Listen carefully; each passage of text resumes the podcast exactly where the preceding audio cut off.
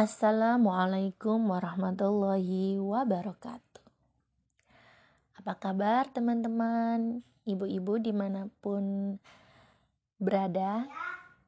Semoga hari ini semuanya dalam keadaan sehat walafiat, sejahtera dan bahagia. Oke, okay, um, kemarin kita sudah ngomongin tentang komunikasi produktif dengan diri sendiri dan dengan pasangan. Nah, untuk yang sekarang ini kita akan ngobrol tentang komunikasi produktif dengan anak. Ya, jadi komunikasi produktif dengan anak. Um, ini sebenarnya adalah materi pertama di kuliah perkuliahan Bunda Sayang batch 6 Ibu Profesional yang saya pernah ikuti. Ini tahun 2000 ya. September tahun 2000 saya ingat banget. Hmm, jadi mungkin kalau saya sendiri ketika ada ilmu yang masuk itu saya nggak langsung bisa apa ya mencerna gitu ya. Jadi saya endapkan dulu gitu. Tapi kok lama banget setahun lebih. Sebenarnya bukan bukan tidak mempraktekkan. Saat kuliah mempraktekkan tapi kemudian um, apa ya namanya karena setelah kuliah bunda apa komunikasi produktif kemudian bulan berikutnya itu ada lagi materi baru gitu jadi belum sempat saya mencernanya. Kemudian sudah ada materi baru. Tapi nggak apa-apa. Dan setelah saya memahami lagi uh, gaya belajar saya learning by teaching learning by sharing. Maksudnya uh, saya lebih bisa memahami ketika saya me menulis materi itu dan kemudian saya ungkapkan ke teman-teman. Nah, lebih enak lagi pakai podcast ya karena saya sendiri lebih nyaman gitu untuk pakai audio. Ini saya menuliskan lagi ya, me, apa merangkum lagi materi tentang komunikasi produktif dengan anak dan saya tertampar-tampar. Benar, karena kemudian saya mengingat kembali kan ya, masya Allah banyak hal yang salah kaprah dalam komunikasi saya dengan anak selama ini. Dan terima kasih dengan saya mulai lagi apa untuk dengan saya berbagi berbagi ilmu dengan teman-teman kemudian saya mengingat kembali gitu apa yang pernah saya dapatkan di perkuliahan Bunda Sayang. Jadi um, anak-anak itu komunikasinya unik. Kita kemarin sudah mengatak apa sudah memahami bahwa anak-anak itu komunikasinya pakai emosi dan dewasa itu pakai nalar. Jadi alangkah baiknya yang dewasa itu ya seperti orang tua itu masuk ke dalam dunia anak. Karena orang dewasa pernah jadi anak. Sedangkan anak-anak belum pernah menjadi orang dewasa. Nah kemudian ada lagi nih yang menampar-nampar saya lagi. Anak-anak akan mungkin ya anak-anak mungkin tidak memahami perkataan kita. Tapi anak-anak tidak akan pernah salah mengkopi. Wow, ini kayak menampar-nampar juga ya. Jadi gaya komunikasi anak itu cerminan dari komunikasi orang tuanya. Ya ampun sudah salah berapa kita? Kayaknya komunikasi produktif ini akan selalu di akan selalu dipakai ya kan?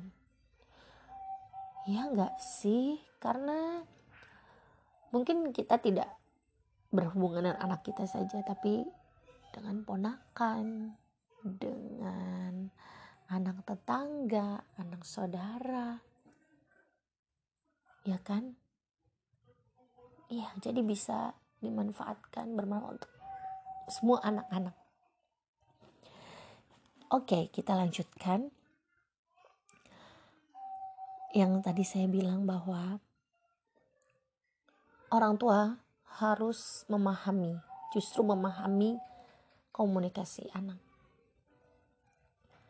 Karena orang tua lebih dulu hidup dari anak. Pernah jadi anak-anak. Jadi paham gitu ya kira-kira komunikasi yang bagus kayak gimana. Zaman dulu saya kok ya refleksi pengalaman lah ya. Oke. Okay. ada beberapa metode teknik ketika kita berkomunikasi dengan anak. Yang pertama adalah information short and simple. Komunikasi yang pendek dan simple. Seperti apa sih komunikasi yang pendek dan simple? Tidak usah pakai panjang-panjang. Begitu anak selesai mandi, handuknya setelah mandi handuknya langsung dijemur ya. Itu simple. Daripada nanti mandi jangan lama-lama handuknya langsung dijemur. Nanti habis itu bla bla bla bla. Nanti yang kering ya pakai handuknya. Dia nggak akan denger. Kalau setelah mandi handuknya harus dikeringkan. Handuknya jangan ditaruh di kamar mandi. Langsung ditaruh di jemuran. Itu bertele-tele bagi anak. Jadi setelah dipakai handuknya dijemur ya, sudah selesai. Mereka paham. Dan mungkin teman-teman punya contoh-contoh yang lain di kehidupan teman-teman. Yang kedua, kendalikan intonasi suara dan gunakan suara lembut. Jadi kalau kalau nulis itu nanti kalau yang intonasinya tinggi yang tidak produktif itu pakai tanda seru. Kalau kita lembut itu hanya pakai titik. Ambilkan buku itu dengan mata melotot dengan bibir yang apa mencutu gitu itu tidak produktif. Coba kita bilang ke dia nah tolong ambilkan buku itu sambil senyum. Ini sepertinya saya harus belajar banyak ya di komunikasi produktif dengan anak. Gak semua hal bisa diselesaikan dengan bentak membentak oke lanjut Katakan yang kita inginkan, bukan yang tidak kita inginkan. Buku, gambar, buku. Misalnya gini, ibu ingin kamu tidur cepat agar tidak agar bangun lebih pagi. Misalnya gitu. Tidak dengan gini. Kamu nggak boleh main game. Kamu tuh sukanya main game. Makanya kamu tuh tidurnya larut. Terus bangunnya siang. Kayak gitu nggak boleh. Dia nggak paham gitu. Jadi ibu pengen kamu tidur cepat supaya bangun lebih pagi untuk berangkat ke sekolah. Seperti itu Kemudian ada lagi, fokus ke depan bukan ke masalah. Misalnya dia ngambil buku, ngambil buku ya, jatuh. Kamu nggak hati-hati sih. Coba kalau kamu hati-hati ya, bukunya tidak akan berantakan seperti ini. Yang produktif gimana? Kalau ngambil buku, nih, misalnya harus harus diambil pelan-pelan. Kemudian kamu baca dan kamu masukkan lagi ke lemari buku supaya lebih rapi gitu. Gitu ya. Dan mungkin teman-teman punya contoh yang lain lah ya. Lalu ada lagi ganti tidak bisa menjadi bisa. Hmm, saya uh, kamu nggak bisa bangun pagi. Karena kamu main game terus kalau mau. Gunakan kata bisa. Kamu bisa bangun pagi kalau kamu tidurnya cepat. Gitu. Jadi kata-kata bisa tidak bisa kemudian diganti bisa itu energinya luar biasa. Gitu ya. Jadi the power of word. Kekuatan kata-kata. Oke. Okay. ada lagi nih. Jelas dalam memberi pujian. Uh, fokus nih. Sebentar dulu ya. Fokus pada solusi bukan masalah. Itu mungkin agak agak sama dengan fokus ke depannya bukan masalah. Jadi kita fokus ke solusi. Ya seperti tadi misalnya um, kamu bisa bangun pagi kalau kamu tidur cepat. Gitu. Kamu bisa matematika kalau kamu banyak latihan. Ayo kita latihan jadi bukan pada masalah kamu tuh ya kalau belajar matematika tuh selalu ngantuk. Kamu tuh kalau belajar matematika tuh males. Nggak bisa begitu nggak ngerti anak-anak. Kemudian ada lagi nih jelas dalam memberi pujian dan kritikan. Misalnya nggak hanya cuman wah keren hebat. Wah soleh pinter. Bukan begitu. Tapi misalnya dia uh, menerima tamu kan terus alhamdulillah kakak ini sudah sudah pintar ya, sudah sopan menerima tamu, disalami tamunya, kemudian diberi minum misalnya atau apa pun lah yang eh, apa namanya yang intinya dia itu kita punya alasan kenapa kita memuji dia. Ada alasannya. Gitu loh. Kenapa sih kita memuji dia? Gitu. Karena apa? Harus dijelaskan. Wah kakak ini hebat ya sudah bisa merapikan mainan sendiri. Um, mainannya sudah diklasifikasi. Misalnya gitu. Nah kalau kritikan gini hmm, kak tadi tuh uh, bun apa namanya tadi tuh kakak udah udah bagus mener apa beresin. Cuman kalau bisa sih nanti diklasifikasikan ya mainannya biar lebih mudah kalau apa mengambil lagi. Gitu. Seperti itu ya. Terus ada lagi gantilah nasihat menjadi refleksi pengalaman. Misalnya gini hmm, kamu nggak hati-hati kamu nggak uh, kamu coba coba kamu dengerin. Bunda ngomong apa? Coba kamu dengerin bunda ngomong apa. Kamu hafalan aja lama sekali lupa. Coba dengerin dulu. Bunda ngomong apa coba.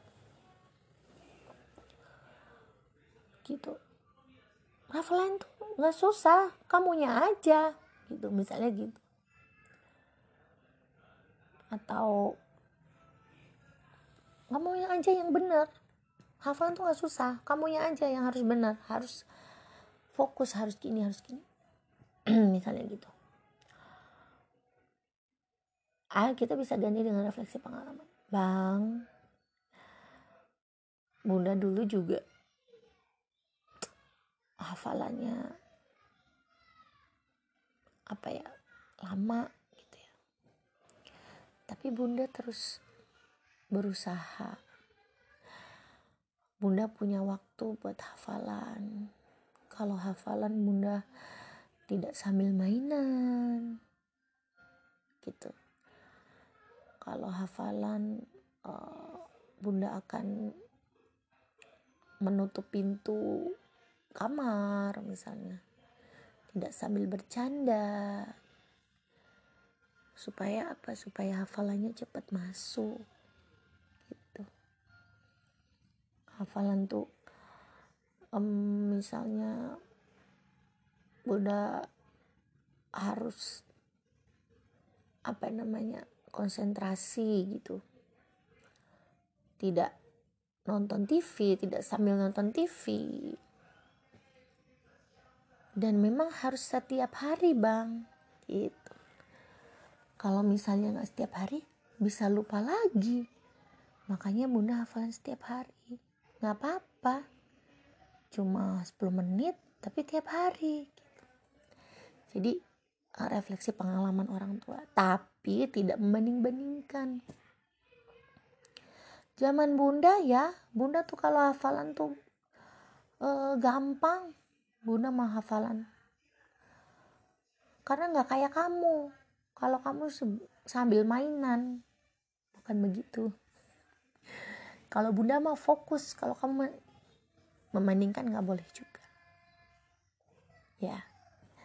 Oke, sekarang selanjutnya ada lagi hmm, gantilah apa nih? Ini nih aku tuh sering keliru banget. Jadi gantilah kalimat interogasi dengan pernyataan observasi. Contohnya, ini aku sering ya. Jadi kayak misalnya belajar apa di sekolah? Di sekolah uh, sama teman-teman main apa gitu ternyata itu nggak produktif saudara jadi yang produktif itu kayak kita melihat mukanya dia kita observasi bang mukanya berbinar-binar sekali sepertinya bahagia ya sekolah hari ini. Boleh tahu dong ceritain gimana sekolah hari ini?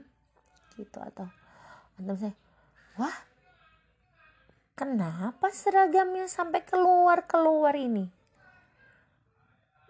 Terus abang juga ini kelihatannya uh, bersemangat ini ya. Mainan apa sama teman-teman sampai seragamnya keluar keluar boleh dong ceritain mainan apa sama teman-temannya nanti kita bisa mainan di rumah ya kan? Kayak mainan sama teman-teman maksudnya gitu. Dan itu saya harus banyak taubat ya dengan komunikasi produktif. Dengan anak harus banyak latihan lagi kemudian ada lagi nih ganti kalimat yang menolak perasaan dengan kalimat menolak atau mengalihkan perasaan dengan kalimat yang empati seperti dia udah bantuin uh, udah belajar. Halo kamu belajar segitu aja capek. Bukan kayak gitu tapi abang udah abang udah capek belajarnya.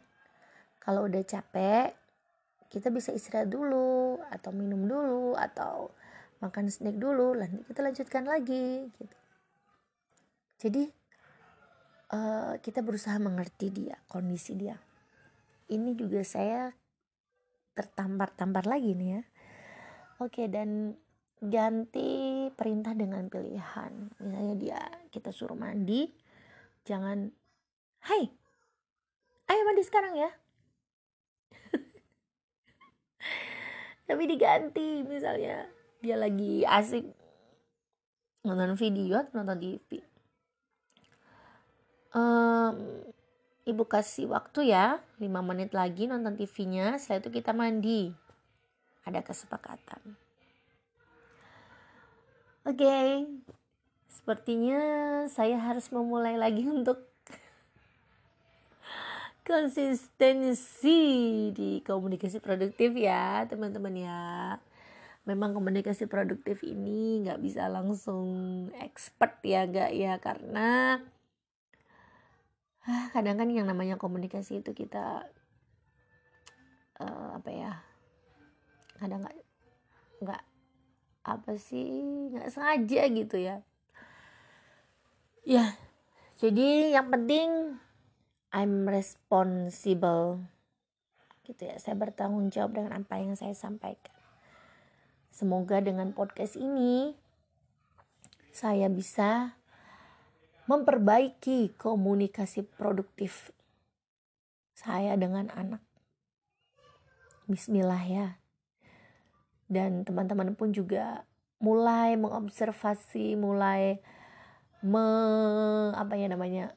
Mengingat-ingat gitu, mulai menelaah aku komunikasinya gimana nih dengan anak-anak udah bagus belum atau akan selalu berbenah gitu kan dengan namanya komunikasi produktif dengan anak. Oke, saya ada satu saya ada satu lagi nih. Jadi ini kayak misalnya ganti perintah dengan pilihan. Tapi ada anak yang ngeyel ya kan ya. Boleh nggak kita marah sih sebenarnya?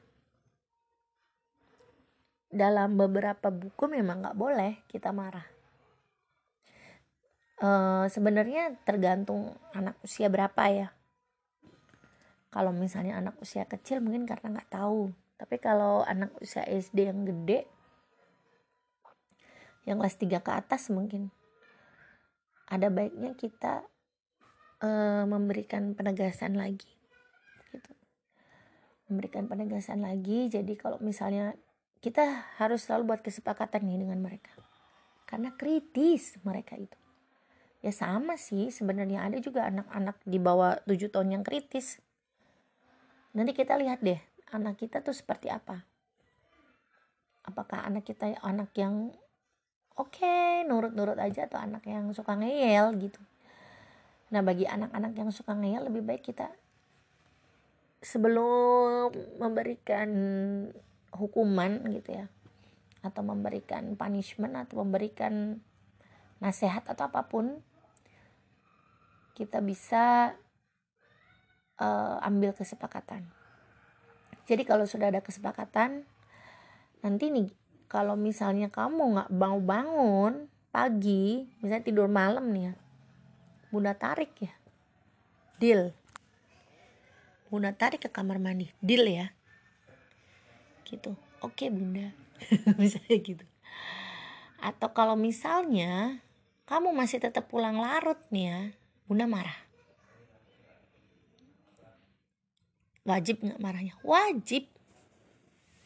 Wajib nggak nariknya? Wajib karena sudah ada kesepakatan. Ini juga yang akan membuat anak melihat apakah kita komitmen atau enggak. Gitu. Makanya kenapa kadang mikir-mikir deh kalau misalnya mau ngasih hukuman ke anak gitu. Ngasih ya itu tadi komunikasi produktif gitu. Kadang kita suka ngomong asal jeplak gitu kan ehm, nanti bunda ini ya kalau kamu pulang tat nanti bunda kunci harus dikunci beneran loh ya jangan salah kalau pada akhirnya kita tetap mempersilahkan dia masuk gitu. Nggak mengunci kamar nggak mengunci pintu pagar misalnya ketika dia pulang telat. Dia kan merasa bahagia oh nggak apa-apa. Dan kadang-kadang perasaan itu tuh punyanya seorang ibu. Makanya kenapa kita perlu ayah? Sebagai kalau di dalam pemerintahan polisi. Gitu loh polisinya tuh ayahnya gitu yang membuat peraturan yang membuat semuanya menjadi lebih seimbang.